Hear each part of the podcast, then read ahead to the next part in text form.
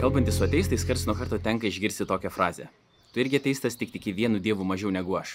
Mintis tokia. Gerai, varškas krikščionė, tu netiki visokiausiais dievais - Dzeusų, Ra, Torų ir panašiai, bet dėl savo siauro mąstymo, religinio paklydimo, psichologinio ir emocinio prisirišimo negali atsisakyti to savo dievulio. Jei būtum nuseklus ir protingas toks kaip aš, ir tą paliktum.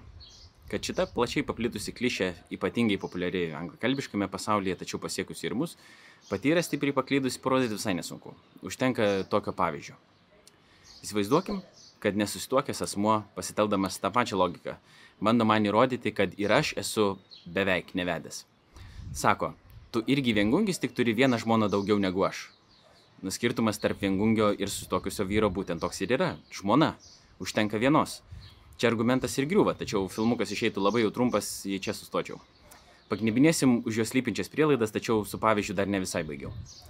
Negi, dabar viengungis sakys, būk nuseklus ir protingas, atsisakyk savo žmonos ir būk viengungis toks kaip aš. Neaišku, kodėl klausintysis nenori turėti žmonos, bet aš ją turiu ir su ja skirtis visai nenoriu. Kodėl nesmyliu. Ir taip esu prisirišęs, tačiau ko santokai dar reikėtų tikėtis, kad atsisakyčiau žmonos tik dėl to, kad viengungių taip atrodo.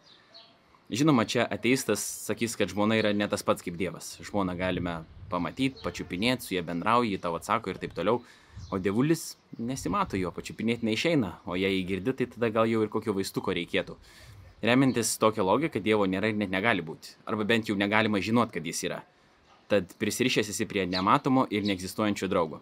Viena vertus tiesa, kad man žmonos buvimas ir net kitiems tam tikra prasme yra apčiopiamesnis. Bent jau tiems, kurie turi gerai veikiančius fizinius pojūčius, kaip rega, klausa, lytėjimai ir panašiai. Trumpai tariant, remiantis jais, žmonos buvimą priimti yra lengviau negu Dievo, nes ji yra fizinis objektas visatoje, kuris mums matomas.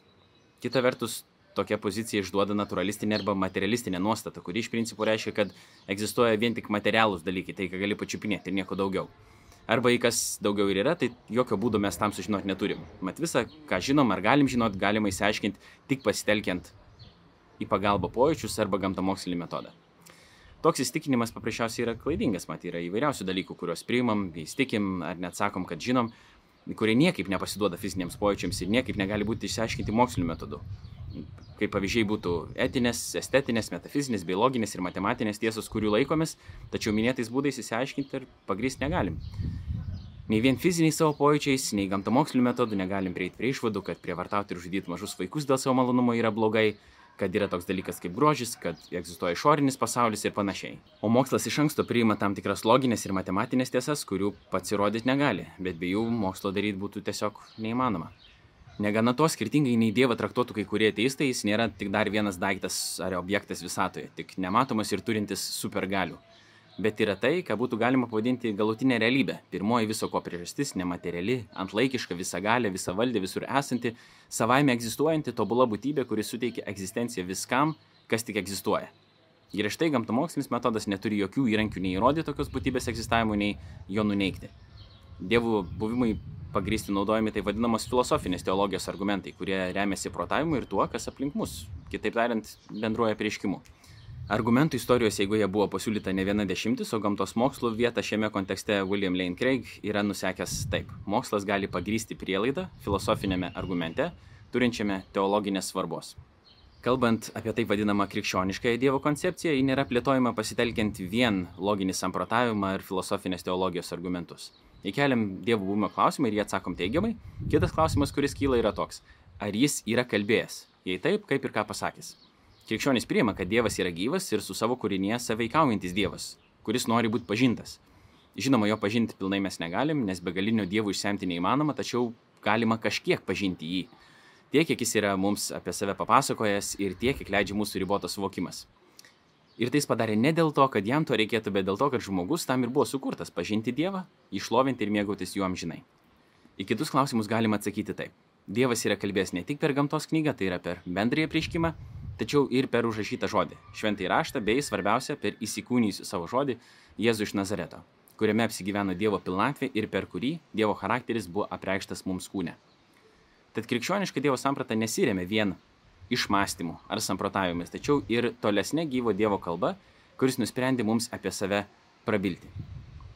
Tradicinė teistinė Dievo kaip visagalio kurėjo samprata bei tam tikri jo atributai gali būti prieinami protavimu, tačiau irgi tik Dievo apšiešiant mūsų protus. Ako tokia būtybė apskritai yra ir tuo, ką Kalvinas vadino sensus divinitatis, tam tikra dieviškumo pajūta, kuri yra ko ne universali.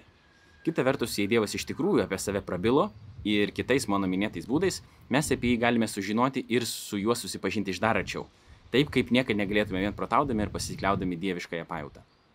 Negana to, tiek bendrai teistiniai Dievo sampratai, tiek krikščionybei, matie apeliuoja ir istorija, pagrysti yra gerų argumentų, tad bet kokiu atveju teistas savo teiginiu lieka nieko nepešęs. Be to, kad šita klišė gali būti sugriaunama vienu pavyzdžiu, jie taikantis dar nesupranta tradicinės Dievo koncepcijos, kuri neturi nieko bendra su sukurtais, laikinais, amoraliais, baigtiniais ir panašiai pagoniškais dievais. Galiausia, nors krikščionis ir yra prisirišęs prie Dievo, tą galima visiškai pripažinti, apsireiškusiu Jėzuje Kristuje jis yra prisirišęs ne prie kažkokio nematomo draugo, bet prie to, kuris yra. To, kurio esmė yra būti prie to, kuris visą palaiko ir to, kuris yra tiesa. Krikščionis tiki, tiksliau pasitikė Dievu, nes jis yra ir yra vertas pasitikėjimo. Neveltui krikščioniškai sampratai tikintieji, tai yra bažnyčia, yra Kristaus nuotaka. Visi tie, kurie savo pasirinkimu, tačiau jo meilės kvietimu ir jo gali, eina įsipareigojusi ir pasitikėjimu grįsta santykių su juo. Kaip tad nebūsi prie Dievo prisirišęs? Tiek krikščionis, tiek ateistas gyvena tik dėl to, kad Dievas tai panorėjo, o visa visata laikosi tik jo gale. Argi ne didžiausia nesąmonė būtų nuo jo bėgti?